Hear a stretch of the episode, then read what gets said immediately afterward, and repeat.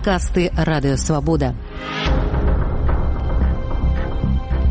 Добрый день, з вами Ганна Соус і сёння моя суразмоўца знакамітая беларуская баскетбалістка экс-капітан беларускай баскетбольнай зборнай Кацярына Сныціна з Лёндану. І нагодай для нашай размовы сталі Кацярына вашы апошнія заявы пра тое, што вы сустракаецеся з дзяўчынай, а таксама пра тое, што завяршаеце прафесійную кар'еру і цяперашні сезон у камандзе Лёндан Лайнс. Кацярына, новае першае пытанне, чаму вы вырашылі зрабіць каменаут менавіта цяпер? Наверное, так все совпало, потому что Николай Халезин предлагал мне участие в его шоу уже несколько месяцев назад, и мы обсуждали, о чем, о чем разговаривать, и вот именно эта тема, она всплывала чаще всего, и мне действительно хотелось э, рассказать об этой части своей жизни людям, потому что я не представляю себе, чтобы я еще три года назад об этом рассказывала так открыто э, в соцсетях, вот. Но то, что за эти три года я действительно общаюсь с огромным количеством белорусов, и всегда это только поддержка и тепло от них, и, а это огромная часть моей жизни, и я подумала, а почему бы, если не сейчас. И Николай помог с этим, это было такое, знаете, не как бы не в лоб, да, то есть не, не, не из ниоткуда, а такое действительно было как будто бы я ужинала с друзьями, и мы за столом обсуждали какие-то свои моменты, и я решила открыто об этом говорить. Ну, вот я бачыла як шмат было каментароў у сацыяльных сетках. Людзі выказвалі словы падтрымкі радаваліся што вы шчаслівая і практычна не было заўважана хейту што вельмі часта бываю ў такіх выпадках. А, як падаецца ці стала беларускае грамадства больш талерантнае за апошнія гады? Ці ёсць такое адчуванне? Я вам скажу что вот сейчас это третий день и я до сих пор не получила до сих пор не получила ни одного негативного сообщения. То есть э, я предполагала, что позитив перевесит негатив, но чтобы было вообще по нулям, э, я такого не ожидала. И еще, наверное, э, причина, почему я сделала это сейчас, а не раньше, да, до 20 или даже 20 потому что э, я уверена, что мы как общество, которое хочет идти, идти в демократическом направлении, мы должны это уже начинать обсуждать, принимать, жить в этом а, уже сейчас, а не только когда мы вернемся в Новую Беларусь. Да, я получила огромное количество сообщений от людей с благодарностью а, о том, что поделилась с ним этим, о том, что я как публичное лицо сказала об этом вслух, а, потому что многие из них, и парни, и девчонки мне писали, что не имеют такой же возможности, находятся в такой же ситуации, но не имеют такой же возможности вслух это обсудить не только в обществе, но и даже со своими семьями.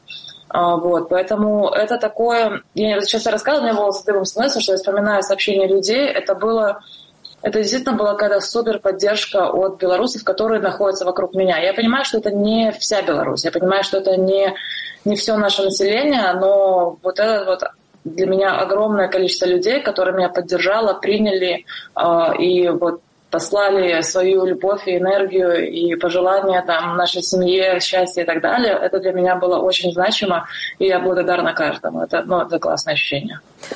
Я шмат гадоў была вядучай перадачы толькі жанчыны на радыё свабода і гадоў 5 таму у меня была перадача прысвечаная жанчынам якія таксама прызналіся ў тым што маюць партнерак адна жанчына зрабіла гэта ўпершыню на гэтай перадачы. Але все тры яны казалі наколькі складана ім было ў сям'і каб іх бацькі прынялі іх выбар. Як гэта у вас было? Ці прынялі ваш выбар ваши бацькі? Да мне мне повезло потому что в этих же сообщениях, которые мне писали, люди говорили, что мы сделали камин внутри своей семьи, и семьи от нас отвернулись. Но мои родители, в принципе, мы никогда открыто это не обсуждали. А, но потому что еще, скорее всего, потому что 17 лет я не живу дома, и если, когда я возвращалась в Минск, э, там месяц мы проводили вместе, то какие-то личные такие моменты я это не упоминала и не обсуждала, поэтому как бы такое, это не было табу, но просто я никогда ничего, очень много информации им не давала никогда. А здесь, уже встретив Надю, и этим летом я поняла, что я хочу родителям об этом, об этом рассказать, потому что это уже больше, чем просто какие-то отношения для меня, это уже она уже часть моей семьи. И да, я рассказала родителям, это я получила слова поддержки, а, люди, вся моя семья, они были рады и счастливы. И вот теперь я жду не дождусь, когда а, просто по обстоятельствам, по времени мы сможем собраться все вместе, всей одной большой семьей и поужинать вместе, и просто быть, вот как одна семья, быть вместе за одним столом. Калі гэта не прыватная інфармацыя, маглі б вы расказаць пра вашу надзю, як вы пазнаёміліся, як развіваліся адносіны? А, во всем виноват Халезин. А, на самом деле, просто немножко предыстория. Я познакомилась с Николаем и с Натальей еще в Вильнюсе а, в 2021 году. То есть они меня узнали уже лично, и я тоже с ней познакомилась. И потом, когда в прошлом году я приехала сюда в Лондон играть, я пригласила их на свою игру. Они пришли с Надей. Но тогда после игры такой хаос обычно. Я просто бегу на трибуну, обнимаю своих друзей и убегаю обратно уже как бы на собрание. И после этой игры через какое-то время мы договорились наконец-то на ужин, чтобы встретиться на ужине. И Коля написал, спросил, ну, что с нами Надя будет. Я говорю, супер, отлично. Вот. И все, в принципе, с 25 ноября, с того вечера, с того ужина мы уже с Надей не расставались. Так что как бы как он это объясняет, что он все знал, он все рассчитал, потому что он знал, знает и меня, и Надю, и понял, что мы просто подходим друг к другу.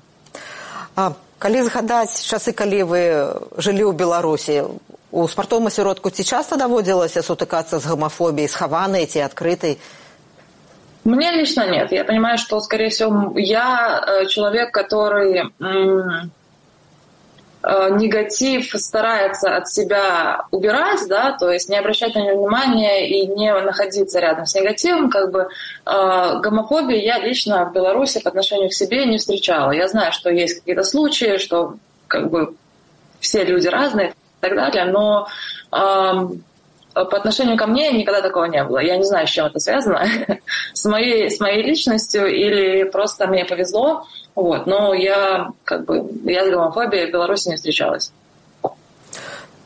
Цяпер ну, дастаткова моцна ідэалігізуецца сфера прыватнага жыцця ў беларусі ну так як бы мяркуецца што нібы толькі традыцыйная форма сям'і мае існаваць і ў гэтай сям'і абавязкова павінны дзеці быць вот нават child free спрабуюць зрабіць па-за законам не кажучы уже пра такое жорсткае непрыняцце лгбт супольнасці як вам падаецца наколькі ў дыктатура рэпрэсіі якія цяпер взаемазвязаныя з такім жорсткім патрыархальным падыходам uh, я не знаю как будто бы это что-то что потому что для меня быть в отношениях женщина это свобода а, я свободна, я, это мой выбор, это не то, что мне диктуют э, какие-то правила общества и так далее.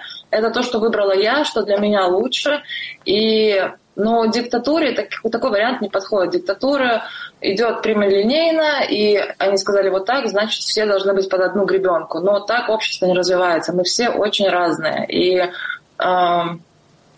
мне кажется, потому что вот эта свобода внутренняя, я считаю, что есть внутренняя свобода у людей ЛГБТ, которые приняли то, какие они есть, и э, идут вот в этом направлении, да, это их свобода. А диктатура борется против свободы. Поэтому, э, конечно, у них это только мужчина и женщина, запретить child free. Как это вообще? Ну, ну, понимаете, даже сама формулировка запретить child free, это, это вообще это дурдом какой-то. Ну, в принципе, ничего нового от нашей диктатуры, да. Ну, это то, што ў двадцатым годзе, калі сотні тысяч людзей былі на вуліцах, былі ў тым ліку людзі са сцягамі з, з вясёлкай, это таксама напэўна пэўны сімптом спеласці дэмакратычнага грамадства беларускага, якое тады было на вуліцах. Uh, да, на самом деле я но так как я уже говорила, что меня в 20-м не было в стране, я за всеми нашими событиями наблюдала онлайн, и я на каких-то фотографиях видела, и потом я, мне посчастливилось познакомиться с Настей Базар, которая была на этих маршах э, с ЛГБТ-флагом. Но это, но это просто офигенно. Вот это свобода. Это свобода людей, которые хотят прийти на марш, а, и быть тем флагом, который у них ассоциируется. Это классно, потому что, э, к сожалению, встречаются моменты, когда, допустим, э, этим летом я пошла на прайд, он был в Вильнюсе, я пошла на прайд с БЧБ флагом. И белорусы принесли огромный БЧБ флаг, и мы в колонне прайда э, в свободной стране мы шли с нашим флагом. И мне писали, зачем ты принесла БЧБ флаг на прайд? Так не надо. Причем мне писали это свободные спортсмены, то есть мне писали люди, с которыми я считала, что у нас есть, мы движемся, мы хотим, мы увидим вот эту новую Беларусь, довольно-таки одинаково. Но оказывается, это еще огромный путь. Это еще огромный путь к тому принятию, которое мне бы хотелось, чтобы у нас было в Беларуси. Потому что принести БЧБ флаг на прайд, я вообще не вижу в этом проблемы. Это мой выбор. Куда я хочу, я туда хожу. С тем флагом, с каким я хочу. Но это, конечно, это, это все, это работа, это огромный путь.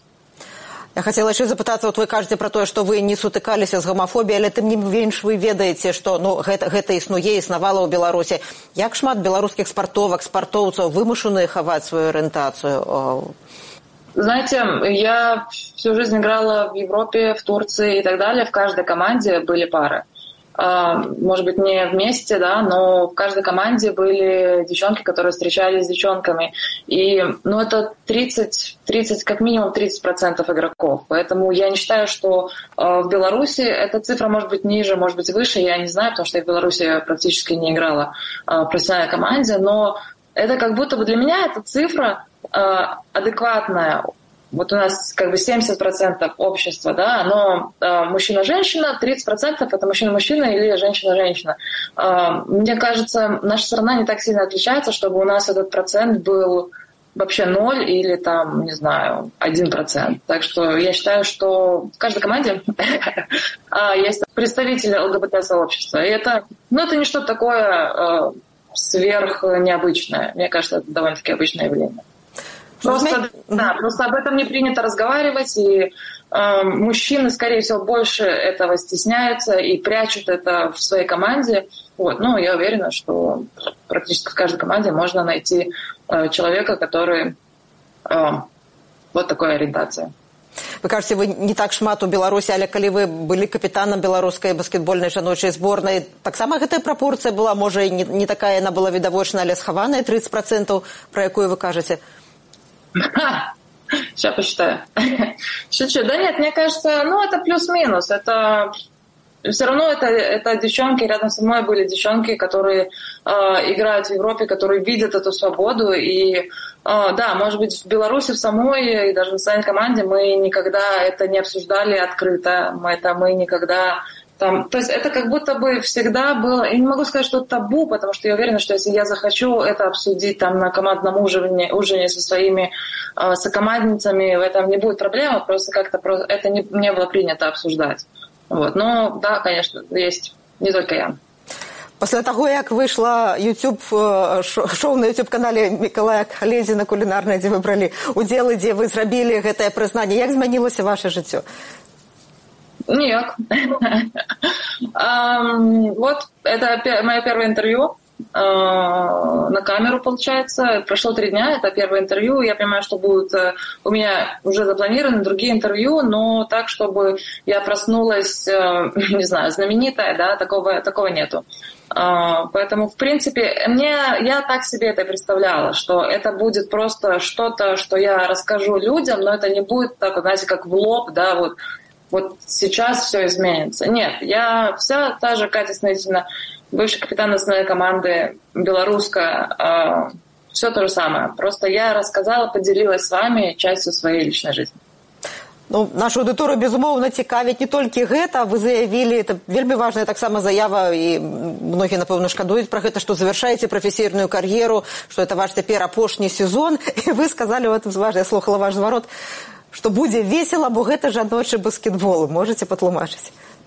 Um, да, даже сейчас мы отыграли две игры, и все были уверены, и я тоже, что мы спокойно выиграем эти игры и пройдем Евролигу. Это высший европейский а, турнир в Европе. Вот. Но мы ложанулись. и мы не будем играть в Евролиге, мы будем играть в Еврокубке. Это вот второй по силе европейский баскетбол сейчас.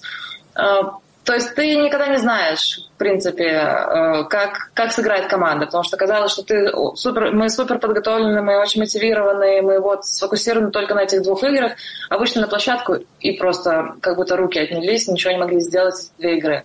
Вот. Э, да, я приняла решение заканчивать с баскетболом, потому что ощущение, что я уже наигралась. Э, то есть у меня уже давно идет очень ровно по эмоциям. Мы проиграли или выиграли. Да, я, конечно, расстраивалась и так далее, но, наверное, просто вот эта усталость, накопившаяся за 21 год, это только профессиональная карьера. То есть я еще там с 5-6 класса тренируюсь по два раза в день и так далее. И в августе у нас был тренировочный сбор, и у нас э, была в сумме была семичасовая тренировка. И я подумала, боже мой, типа, надо ли мне это еще или нет. И просто поняла вот на этом сборе, что, наверное, э, вот еще один сезон, я отыграю свое удовольствие, и вот на этом вот пике, да, когда мне еще приятно играть в баскетбол, я могу это делать, мне это в кайф, вот уже стоит заканчивать.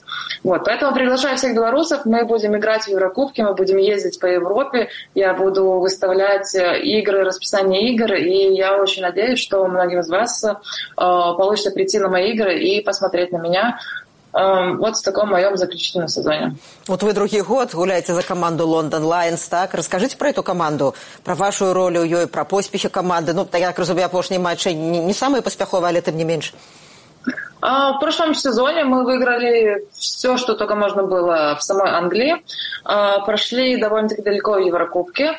Вообще эта команда, ее делали для того, чтобы сделать баскетбол в Англии более популярным очень сильно медиаподдержка у этой команды, то есть нас постоянно снимают, фотографируют, э, с нами делают коллаборации, магазины, э, всякие ивенты в городе проводят, то есть чтобы привести как можно больше людей на баскетбол, чтобы показать им, что в стране есть не только футбол, футбол классный, ничего не имею против, но есть еще и баскетбол. И вот я здесь живу около э, зала, и вот я реально выхожу, в своей обычной одежде, то есть даже не в, не в Лондон Лайонс одежде, меня на улице узнают, то есть приятно. То есть понятно, что клуб работает над комьюнити вокруг, вокруг нас. Вот. Это просто э, я для себя поняла, что мне прикольно находиться в команде, которая хочет не только выиграть игры, но хочет сделать баскетбол в собственной стране более популярным. И я смотрю на какие-то моменты, я смотрю, как они работают над этим, мне просто интересно, и я рада, что у нас это получается. Вот. А баскетбол, да, у нас есть большая цель. После, так как мы не попали в, Евро, в Евролигу, то постараться выиграть Еврокубок и, как, э, как и в прошлом году, взять все, все трофеи в самой Англии. Вы сказали, што больш за 20 гадоў штодня маеце дзве трэніроўкі, а вот апошняя трэніроўка, якая была 7 гадзінаў, мне складана уявіць, она была уже цяжкай. Што, што можна рабіць 7 гадзінаў падчас трэніроўкі? Якіх сіл на гэта хопіць? Я не профессионал, пытаюся просто так вот. Мне, мне тяжко это уявить. Это был тренировочный день, где утренняя тренировка была 4 часа, а вечерняя 3. Да, но вот на утренней тренировке я помню, что я такая бегаю и подбегаю к тренеру и говорю, что так долго? Почему два часа так долго длятся? Они мне говорят, ну что сейчас уже 3.40, как бы. Команда новая. А, нас пытаются всех вместе совместить, чтобы мы играли как одно целое. И это очень много нюансов. И не могу сказать, что все эти там 4, 3, 7 часов мы носились туда-сюда. Вот. Это очень много тактики, очень много а, объяснения, зачем мы вот это делаем и где там я должна находиться в то время, как другой игрок будет находиться и так далее. Вот, да. Но это просто, это изматывает, если честно. И, и даже не мне, которая 38 лет, но и девчонкам, которые намного моложе, вот, они тоже не выглядели очень очень уставший. А, да, получается, какой-то период своей карьеры, вот в Турции, допустим, они просто не делают э, двухразовую тренировку, они делают одну длинную, да, там 4-5 часов в сумме это как бы есть, но да, вот такая моя жизнь, что я огромное количество времени провожу в зале, э, и уже где-то где мне уже хочется, если честно, пожить э, другой, простой, что ли, жизнью, немножко другое. Калі працяглую трэніроўку зрабіць за метафору я згадваю мы некалькі разоў рабілі інтэрв'ю і кожны раз выкарыстоўвалі такую метафору вы параўноўвалі беларускія мірныя пратэсты з маратонам.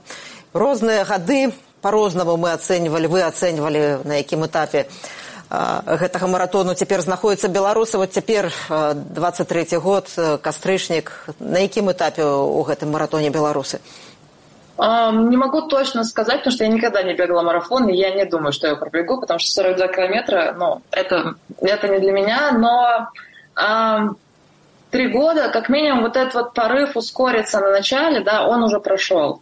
Сейчас люди, мне кажется, в том этапе марафона, когда а, начали распределять энергию и силу по всей дистанции. А, так как у нас на, нам тяжелее, чем бежать людям марафон, потому что хотя бы они знают, где у них конец, где у них финишная черта, то мы, мы не знаем. И поэтому, мне кажется, я сужу это по самой себе и по моему окружению, что мы начали а, распределять эту энергию не вот на этот короткий период, который мы не знаем, когда он закончится, а на более длинную дистанцию. То есть люди, мои друзья, начали о себе больше заботиться, да, то есть э, там и заниматься спортом, и психологическую помощь сам, э, э, то есть они, мы поняли, что это не так легко. Мы поняли, что э, если, допустим, я лично, если я не буду в хорошем состоянии, психологическом, эмоциональном, физическом, то я не смогу никому помочь. У меня были такие моменты, когда я просто выгорала. И вот большинство людей вокруг меня, мы уже осознали, что э, надо себя беречь Надо себя беречь на вот эту огромную дистанцию. Мы не знаем, когда она закончится, и от этого еще сложнее, но без силы э, внутри себя ты не сможешь никому помочь и не сможешь продолжать просто этот путь. Поэтому где мы точно, мне, я надеюсь, что мы где-то на 20 километре. Ага, і завершаючи професійную кар'еру, напэўна, у вас цяпер будзе больш часу для грамадскай дзейнасці. Чым вы будете займацца акрамя спорту пра спорт я яшчэ перапытаю. Вообще не знаю, честное слово.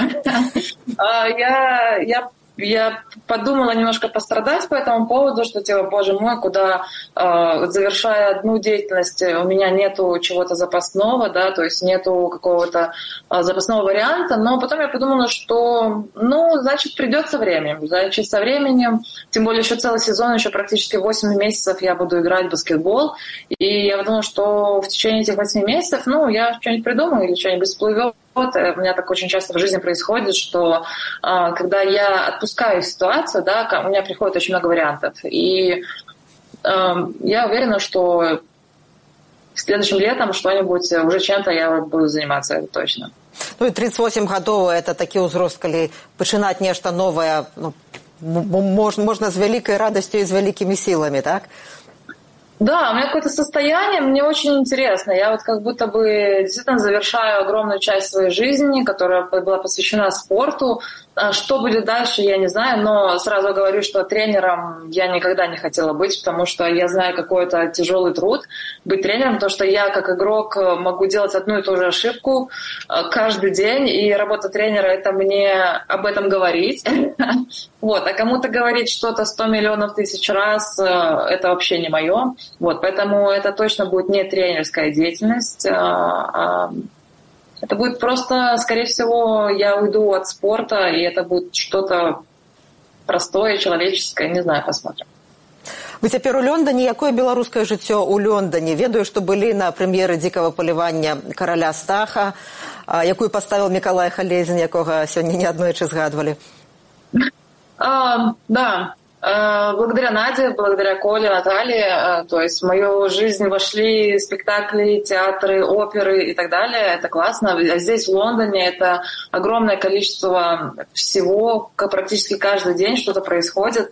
А, Но ну, это все еще большую часть моего времени занимают тренировки. Я не знаю, здесь еще вот сейчас воскресенье, я надеюсь, что у меня получится дойти. У нас здесь огромная диаспора белорусов, и здесь есть и библиотека э, с и всякие мероприятия они устраивают, так что я надеюсь, у меня будет возможность поучаствовать в этих мероприятиях.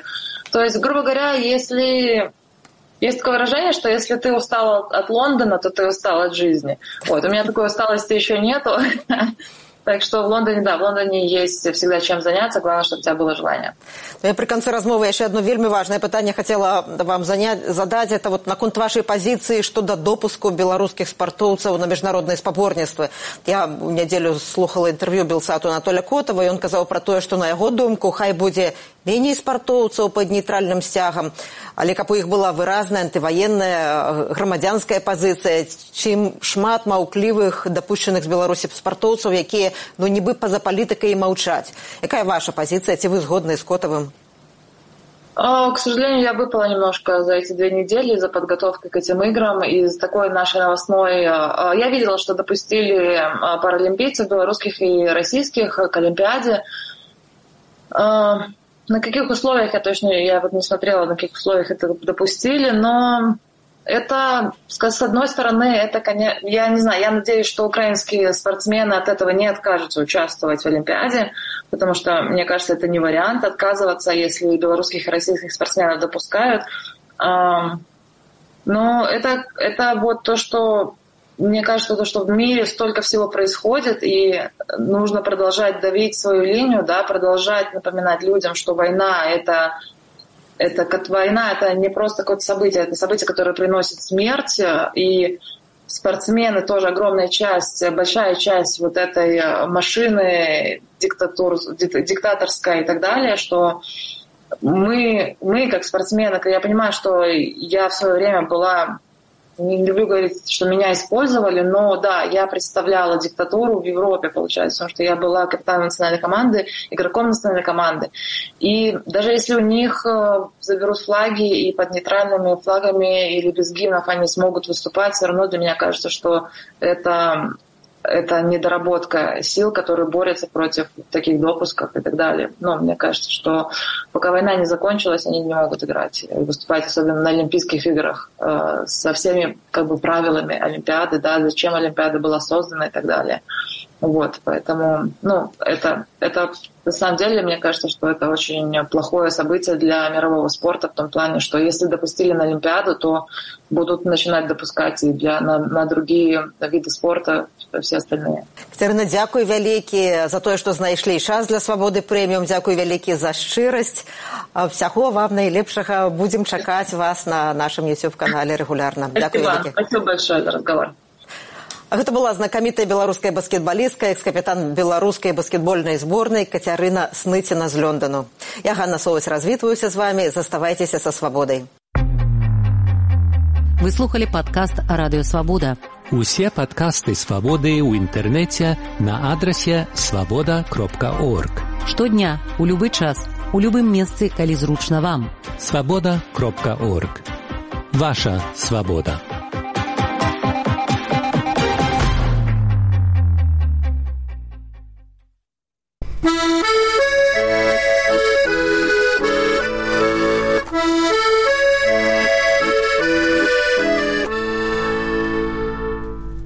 З архіву радыёвабода вострая брама гісторыя беларускай спеўна-драматычнай майстроўні 1981 84 гады ў асобах запісы 2010 году.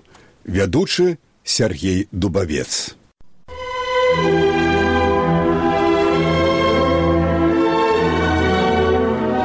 вострая брама. Гісторыя аднаго цуду Перадача Сергея Дубаўца.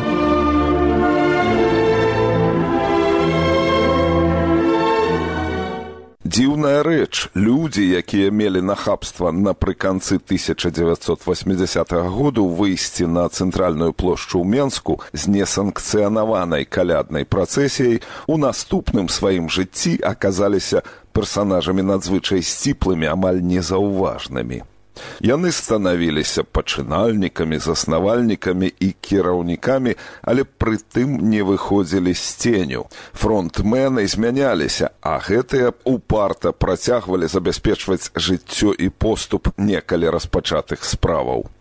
Скажыце Сергею кнышу, што ён заснавальнік беларускай рок-музыкі. Зараз пачне аднеквацца казаць, што героямі былі іншыя, а ён толькі біў у свае барабаны, ну і тэксты песень пісаў. А між тым усе факты гэтаму аднекванню супярэчаць.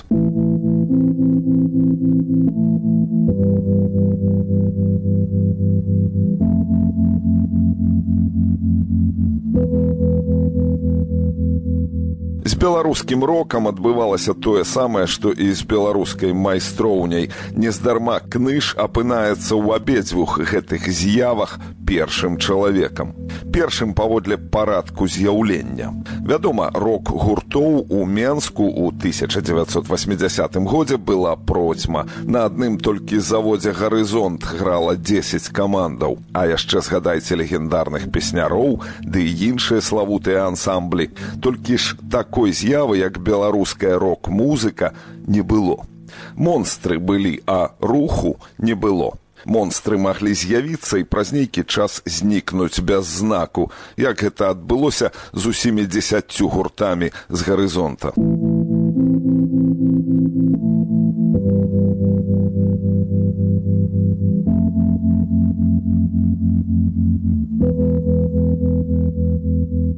Падобная сітуацыя складалася і з асобамі ці гурткамі нацыянальнага або антысавецкага дысэнту ці культурніцкай эліты руху не было І вось калі ў 1980 з'явілася майстроўня і вынесла сфармаваныя дысідэнтамі і элітай ідэі на вуліцу, калі хочаце ў народ, гэты самы рух зрушыўся з месца і пачаў пашырацца, прыцягваць новых людзей, пасля дзяліцца на новыя з'явы, аж пакуль не запаланіў сабою ўсю Беларусь.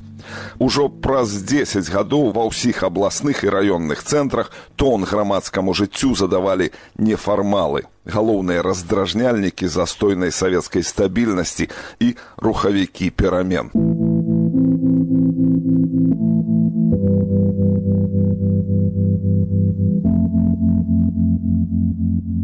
Нешта гэткае самае адбылося і з рок-гуртамі. Студэнт тэатральна-мастацкага інстытуту Сергей Кныш граў у сваім студэнцкім гурце студыя 7 і адначасова стаў адным са стваральнікаў беларускай майстроўні. Каб не дзяліць сваю свядомасць на дзве часткі, ён прапанаваў сваім рускамоўным сябрам са студыі граць па-беларуску. Тыя пагадзіліся і так узнікла бонда. Пасля ўжо бонда падзялілася на краму і уліс А колькі было ўсялякіх пабочных утварэнняў не пералічыць. Калі дадаць да гэтага, што заходзілі ў майстроўню і стваральнікі гурта мроя, які пасля трансфармаваўся ў НРМ і дадаць, што ў сярэдзіне 80-х па ўсёй краіне сталі з'яўляцца беларускія гурты, дык уяўленне пра беларускую рок-музыку як з'яву і як рух будзе бадай што поўным.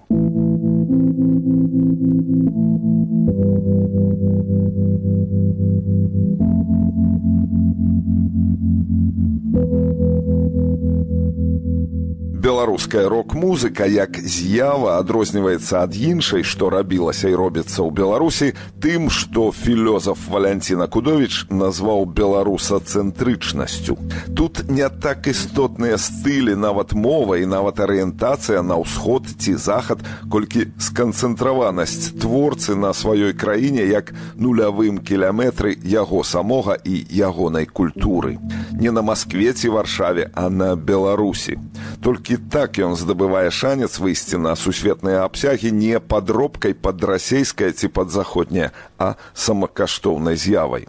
Цяпер вы бачыце, што сціплы маўчун Сергей Кныш па плёнах свайго жыцця не такі ўжо і сціплы.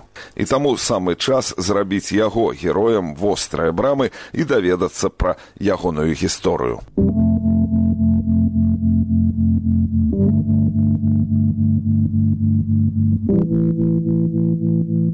Я кныш Сергей, 47 гадоў. Я меньшанин.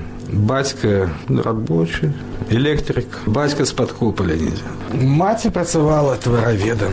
Маці у мяне она з рассіі, бацька беларус. Ну зараз уже яны на пенсі буду. Так што у меня ніякіх таких там ні літаратурных, ні мастацкіх продкаў не было.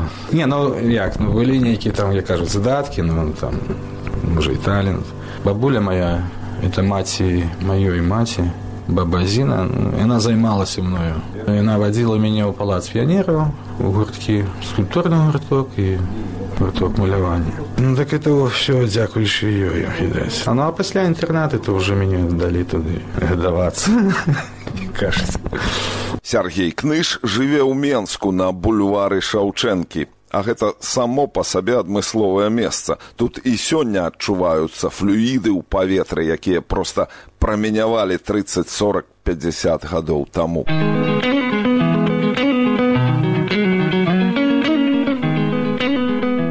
Менскі бульвар. Колькі ён нарадзіў легендаў прыгожых мітаў і фантомаў. Недзе тут размясціў свой пад'езд старых кавалераў караткевич кажуць акурат тады калі разгортваліся містыфікацыі чорнага замку альшанскага на бульвары збіралі чамаданы ў далёкую каліфорнію бацькі антона кідзіса. Яшчэ да нараджэння будучага лідара знакамітых перцаў Тут коўзаліся ў пясочніцы маленькі клінаў з маленькім саўкам. Тут баба Зіна вяла за ручку сярожу кныша ў гурток лепкі.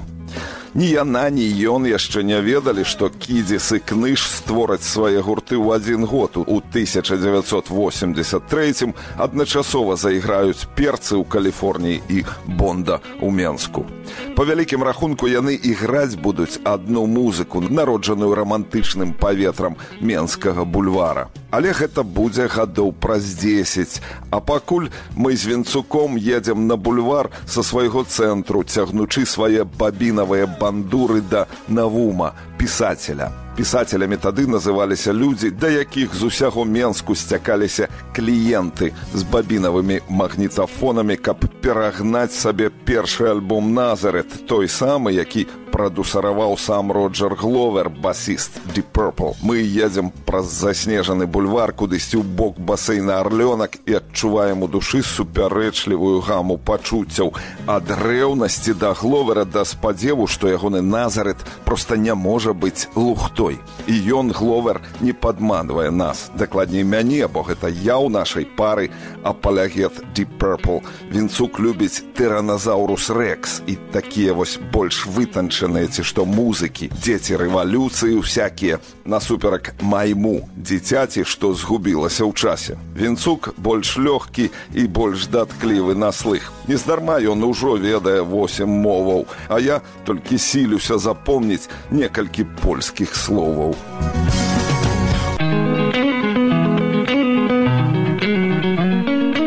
Якраз тады ў 70-х Сергей Кныж патрапіў у мастацкую школу для адораных дзяцей.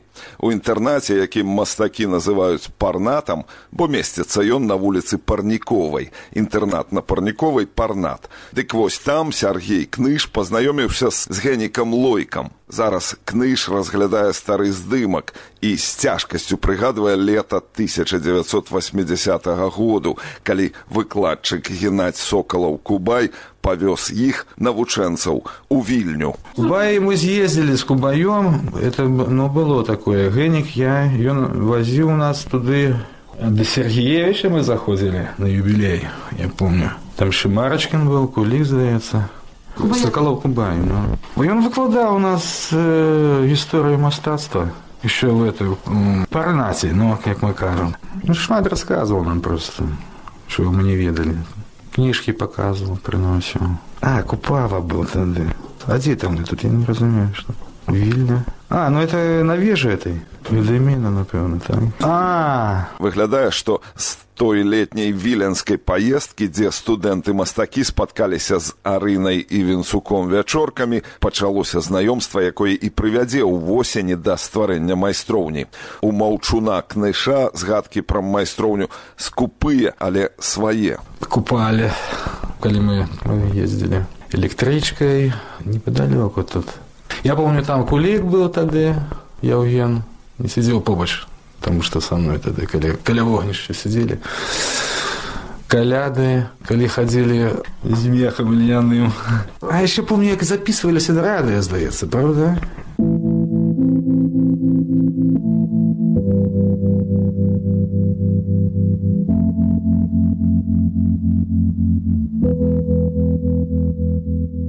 Не помню, Медведев ходил, ходил. Медведев Ваня. Сушу помню. Ермишука. Усяника Воин, кто был, вот не помню. Андрей. Мы тебе помним. Ката. Прям был. Родионов, зараз заходит до меня. Андрей. Вы слухаете радио «Свобода». Тут Сергей Дубовец. У сённяшняй вострай браме пра цуд на каляды 30 гадоў таму распавядае Сергій Кныш.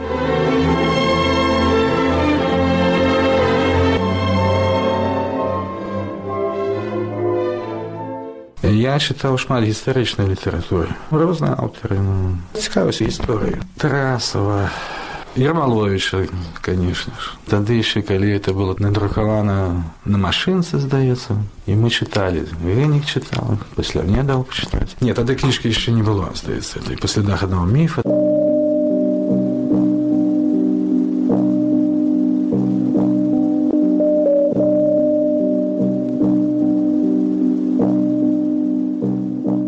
Спевках, ведаеш, вені, вені голосу не слыху. Ну, так, падабалася, конечно, падабалася. Свой удзел у беларускай майстроўні Сергей Кныш спыніў у 1983 годзе, акурат калі сама майстроўня рыхтавалася рассыпацца на мноства іншых ініцыятываў. Там 80, 83 год, здаецца. Але я ўжо мусіць тады не быў ўжо. Уже музыка зацягнула тады. І майстроўня аказалася пройдзеным этапам. Так яно так і павінна быць, я думаю. Як бы функцыю сваю выканала і а далей як пашлі все сваім шляхам я так думаю это уже як бы штуршок быў а чаму я я сам не ведаю вот, вот, ну вот чаму можа нешта з космоса прыйшло майстроўня мінулася але што дала ну як што я пачаў пісаць тэксты па-беларуску адразу да бонды была там другая другі гурт студыя семнікі рускамоўны Ну такія бонды пачалася, калі во з Варашкевічем мы вырашылі. Давай па-беларуску, чаму палякі спяваюць. Нармальна все гучыць. Варашкевіч адразу ніякіх не было у нас там. Ну я не пераконаваў нікога. Просто сышоў чалавек, які нам замінаў і все. Быў такі Чыслав Степана. Ну і все, а так пайшло і паехала. А яшчэ якраз тут сыс з'явіўся на гарызонце. Ён жа і прынёс назву слово самое Бонда.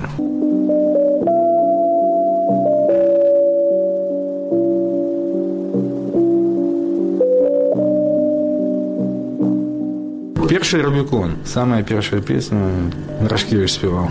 А горний страх, страх не на жаль, шаленый ветер. Дьме, а ты ховаешь твар. Да, да, да, ну там уже селезна кранула скронь.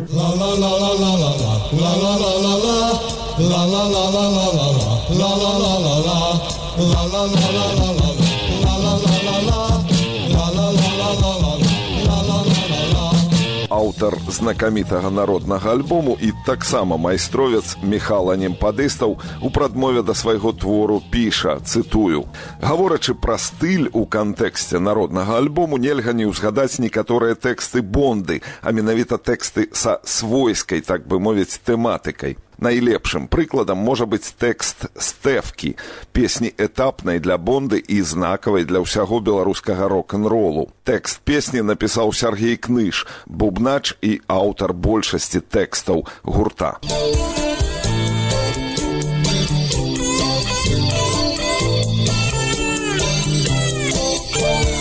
Помнишь, Степка, той старый соборный млын? Воды маўклівай побач сцішаною плынь. Ты помнишь, як мы потым под месяцам ушли И поцелунки потай за лишние были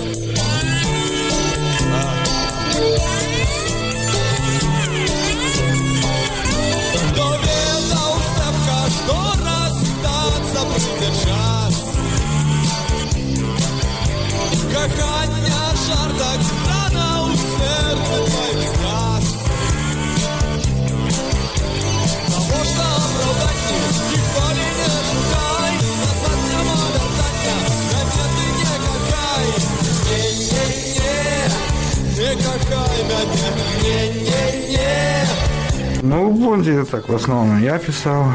Ну так, ну правда. Я же не верш, я тексты писал. Это же не поэзия. Тексты. Я Варашкевичу отдавал еще. Як он скажет. Не, ну он так завсёды так, ну, амаль что не правилось там нічого. Як писалося, так і співалося. Мова? Ну, я в школі добре вчив. Ні, так і зараз учишся. Це ж такий процес Бясхонц. Я ўжо згадваў, што ў пачатку 1980-х паралельна з Бондай пачала свой шлях у рок-музыцы мроя. Яны ішлі паралельна і як усё паралельнае не перасякаліся. Можа быць, старэйшыя бондаўцы ставіліся да маладых мрайчукоў крыху звысоку. Сергей Кныш кажа, што для высакамернасці падставаў не было. А мы не з імі не кантактавалі. Яны трошки малодшыя былі. Ну, якая тады канкурэнцыя была ніколі з імі так не выступалі не тое што там нават не выступалі не ну, не было контакту іншую музыку ігралі як бы так а мы што мы ж таксама мы ж не прафесіяналы таксама ні ў кого адукацыі музычнай не было ні ў рашкевіча ні ў мяне ні ні ў івана маркова краўчанка сержук бас-гітара і корань слава гітара 5 пяцеровых Тут, як і з майстроўняй з нашым калядным цудам, калі хочаш яго патлумачыць, знойдзеш масу вытлумачэнняў, а загадка застаецца. Музычнай адукацыі не было, а што ж было? Што было? Гітары былі. Барабаны я купіў сабе. Падвал у нас быў, ну, памяшканне пад інтэрнатам акадэміі. Ну і там все рабілася это. Записывалася, сочинялася. Бонда дала экрану и улез. Я же с ними так само играл. До года, может, так, 2000 музыкой занимался. А вот нечто отвернуло, и все. Я и сам не могу отказать. Ну, вот не, не стало ник. И про Бабановали там уже иди, ну, и гурты там запрошали. Але не, ну, я как все отвернуло. Ну, не расхотелось. Барабан он поскладывал в подвале лежать. Можа калісьці в музейкі патрапіць А што барабаны спачылі на менскім бульвары ў падвале дому дзе Сергей кныж жыве з жонкай і маленькай дачкой гэта беларускамоўная сям'я. Як дарэчы і абсалютная большасць сем'яў колішніх майстроўцаў. Яшчэ адна характэрная рыса такіх сем'яў адсутнасць антаганізму канфлікту бацькоў і дзяцей Мова ў сям'і ядная, а не становіцца прычынай разладу. Хоць здавалася б мова вуліцы, школы і дзяржавы дае ўсе падставы, каб пакаленне дзяцей нашаторылася супраць пакалення бацькоў. Чаму гэтага не адбываецца? На маю думку таму, што мова гэта мысленне і калі з самага маленства дзіця мысліць у тым самым полі што і бацькі тады ўзаемнае паразуменне як праграма закладаецца на ўсё наступнае жыццё. Вядомая рэч сямейныя канфлікты ўзнікаюць з-за ўсялякіх другасных прычын. Калі няма закладзенай ад пачатку адзінай праграмы адзінага поля мыслення тады другасныя прычыны становяцца першаснымі у сям'і Сергея Кныша усе гавораць па-беларуску. Ну сям'і так прапанавала Ольга жонка.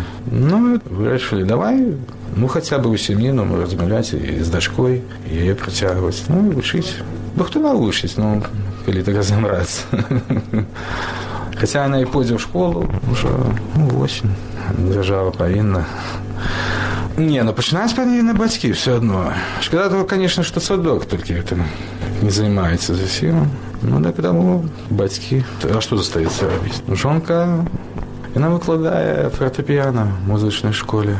Яна дачка біча Михаила Восіповича, гісторыка. памёр, на жаль. У дзвюхтысячным годзе Сергей Кныш развітваецца з музыкай і вяртаецца да сваёй прафесіі, да скульптуры. Ой, не, я вот не спевак, не актор, ну толькі барабанщик, не скульптор. У меня выкладал Никейщик Анатолий Александрович. Ну вот я лишу, что он мне шмат дал. Это в академии. Ну, такі быў сур'ёзны дзядзька прыходзіў кожны панядзелак і казаў так кожнаму што ты зрабіў за тыдзень і ты павінен быў паказаць хоць што-небудзь неважных ну вельмі такі быў настрой патрабаваў ад нас ну і, вот это якасць такая патрабавальнасць так для сябе вот это я думаю взял трохі ад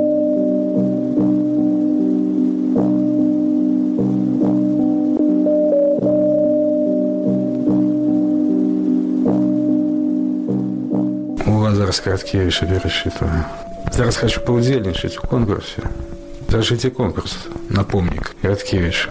І будуть збираються ставити у Києві Міністерство культури наше білоруське і каля это амбасады нашей. Ось так я зараз перечитываю там восьмитомник у меня взял я мой тещи забрал. Ну і ось задумка зрабіць нешта в голове, а показать еще руки не дошли.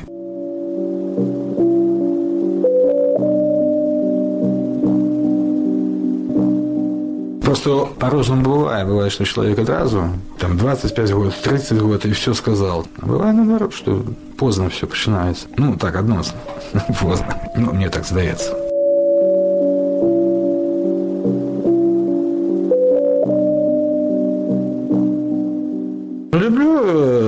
свою справу, скульптуру. Вот мне все ж таки добре, що ти вернулася. Все ж таки скульптор я, а не барабанщик там. Ну, це одразу не зрозумієш, а з цягом часу ну, так все. Бо я думаю, ще може що і виліплю. Цікаво. Думаю, стараться молодого, ще не поздно, правда? Все напереди, все напереди.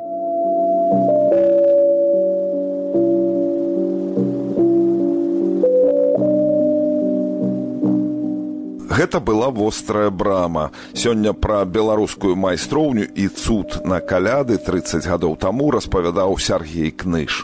Вёў перадачу Сергей Дубавец.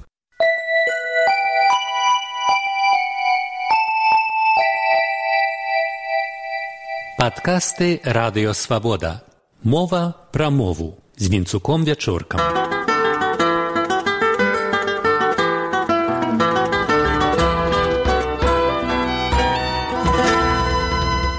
Вітаю шаноўнае спадарства. Каментатары, шукаючы яскравага вобразу для апісання марнатраўства ў цяжкі час, кажуць пір у час чумы. Ці гэта па-беларуску. Выраз час чумы без піру у нашай культуры ёсць. Гэта аповесць Уладзімера Арлова пра міколу русоўскага, але там дурнаватых святкаванняў няма. Гэта песня металёвага гурта кароль стар.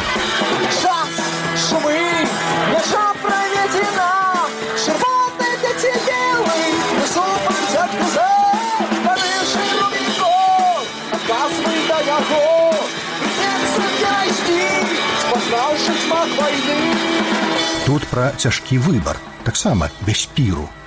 Дык вось, само па сабе слова пір абсалютна не беларускае. Беларуская народная мова і нават афіцыйныя слоўнікі яго не ведаюць. Гэта расейскае слово, царкоўна-славянізм. А як па-нашаму назваць шумнае застолле? Самая вычарпальная назва бяседа. Слова старажытнае, агульнаславянскае азначала некалі пасядзелкі па-за хатаю. Народная песня вясёлая бяседачка менавіта пра застолле беларускі кампазітар мікола шчаглоў куліковіч чыё імя нельга было ўпамінаць за саветамі быў і даследнікам у працы беларуская народная песня ў творстве выдатных кампазітараў куліковіч піша пра фредерыка шапена у гран фантазі адюр Выступае жартлівая беларуская песня вясёлая бяседачка. Яна ёсць асноўнаю тэмою другой часткі фантазіі і праходзіць у колькі варыяцыях. Выкарыстана гэта песня з вельмі войстрым розумам, арыгінальнасцяй і мастацкім смакам.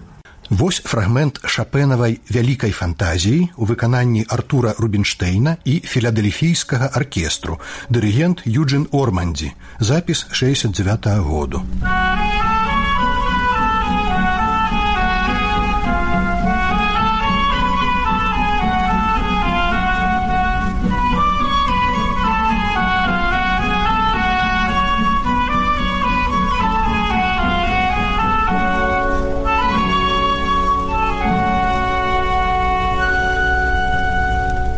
вясёлая бяседачка.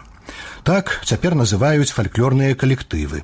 Ёсць ансамбль тэлерадыёкампаніі бяседа са стылізаваным пад фальклор рэпертуарам. Слова бяседа, аднак ён ужывае правільна. Добры звычай старадаўні запрашаць гасцей у дом, сабірацца на бяседу, за святочным за столом. Таму па-нашаму не пір, а бяседа. А вось у паўднёваславянскіх сербскай, балгарскай, славенскай беседа стала абазначаць размову гутарку. Такое значэнне замацавалася і ў расейскай мове, а расейская беседка па-беларуску альтанка. На вакацыях под акацыяй у альтанцы сядзела Аліцыя элегантная і выкштальцоная і чытала на памяць Горацыя.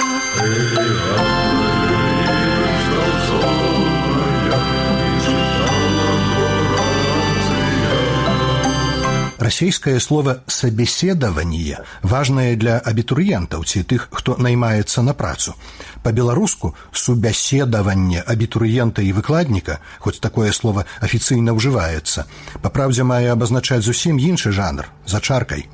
Размова ж з мэтай высветліць памкненні ды схільнасці чалавека сумоўе. Пра застолле па-беларуску кажам і банкет. Гэта даўняе народнае пазычанне з нямецкай але адкуль вобраз банкету падчас чумы. Оказывается, аўтар выразу Александр Пушкин маленькую трагедыю пір во время чумы ён напісаў на аснове эпізоду з драмы шатлянскага пісьменніка Джона Уилсона «The City of the Plague» чумны горад. Але ў ангельскай мове выраз накшталт «A feast in time of plague» або падобны, як фразеалягізм не ўжываецца. Такім чынам, пір во время чумы культурная цытата узятая менавіта з расейскай літаратуры. У еўрапейскіх мовах бытуе іншы выраз пра біблійнага апошняга валадара бабілёну, якога звалі бальтазар у грэцкай традыцыі валтасар. У ноч, калі персы захоплівалі бабілён, ён наладзіў шумны банкет – раптам на сцяне з'явілася таямнічая рука і напісала словы.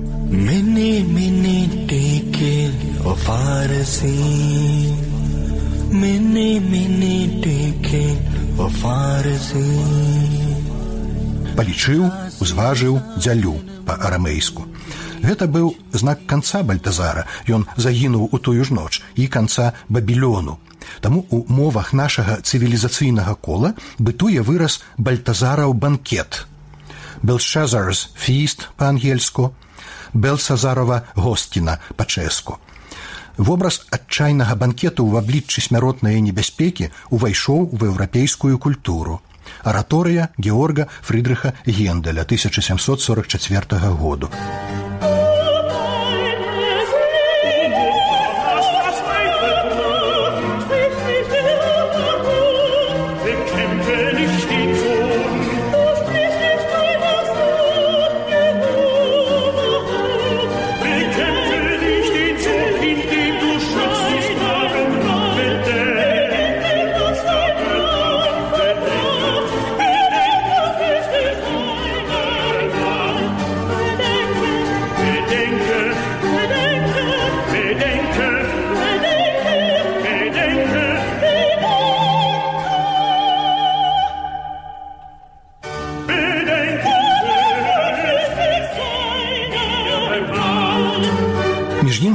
Выдатны фільм паводле фазіля іскандера ноч са сталінам які выкрывае псіхалогію крывавага дыктатара мае другую назву па-расейску піры валтасара то бок банкеты бальтазара на раскошным банкеце ў абхазіі дзе ўсе трасуцца ад жаху невядомасці дыктатар дазваляе сабе жартаваць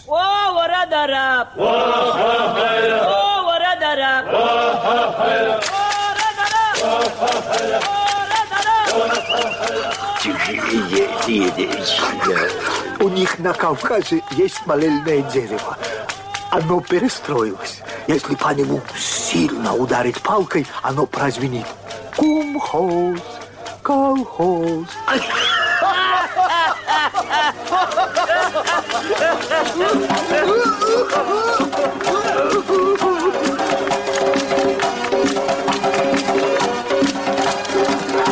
Маем і свой літаратурны вобраз для абазначэння недарэчнай весялосці, дурнаватага імкнення святкаваць, калі вакол бяда. Усё ж лягічна, калі звяртаемся не да Пушкіна, а да купалы, дзень народзінаў якога акурат ушанавала сведамая Беларусь. вяселля на пажарышчы вобраз з класычнага купалавага абразка у паэме сон на кургане Ах, ах, чым вас прывітаем, чула чула галубочки ваши звонкія званочки, так усе мы вас чакалі, каравай прыгатавалі. А які ж ах быў удачны, каб вы зналі, які смачны. Такім чынам, па-беларуску пра тое, што ў нас творыцца, скажам або бальтазараў банкет, або вяселля на пажарышчы. З вами быў вінцук вячорка.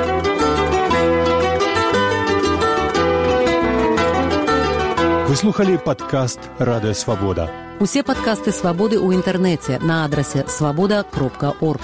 Штодня, у любы час, у любым месцы, калі зручна вам. Свабода кропка орг. Ваша свабода.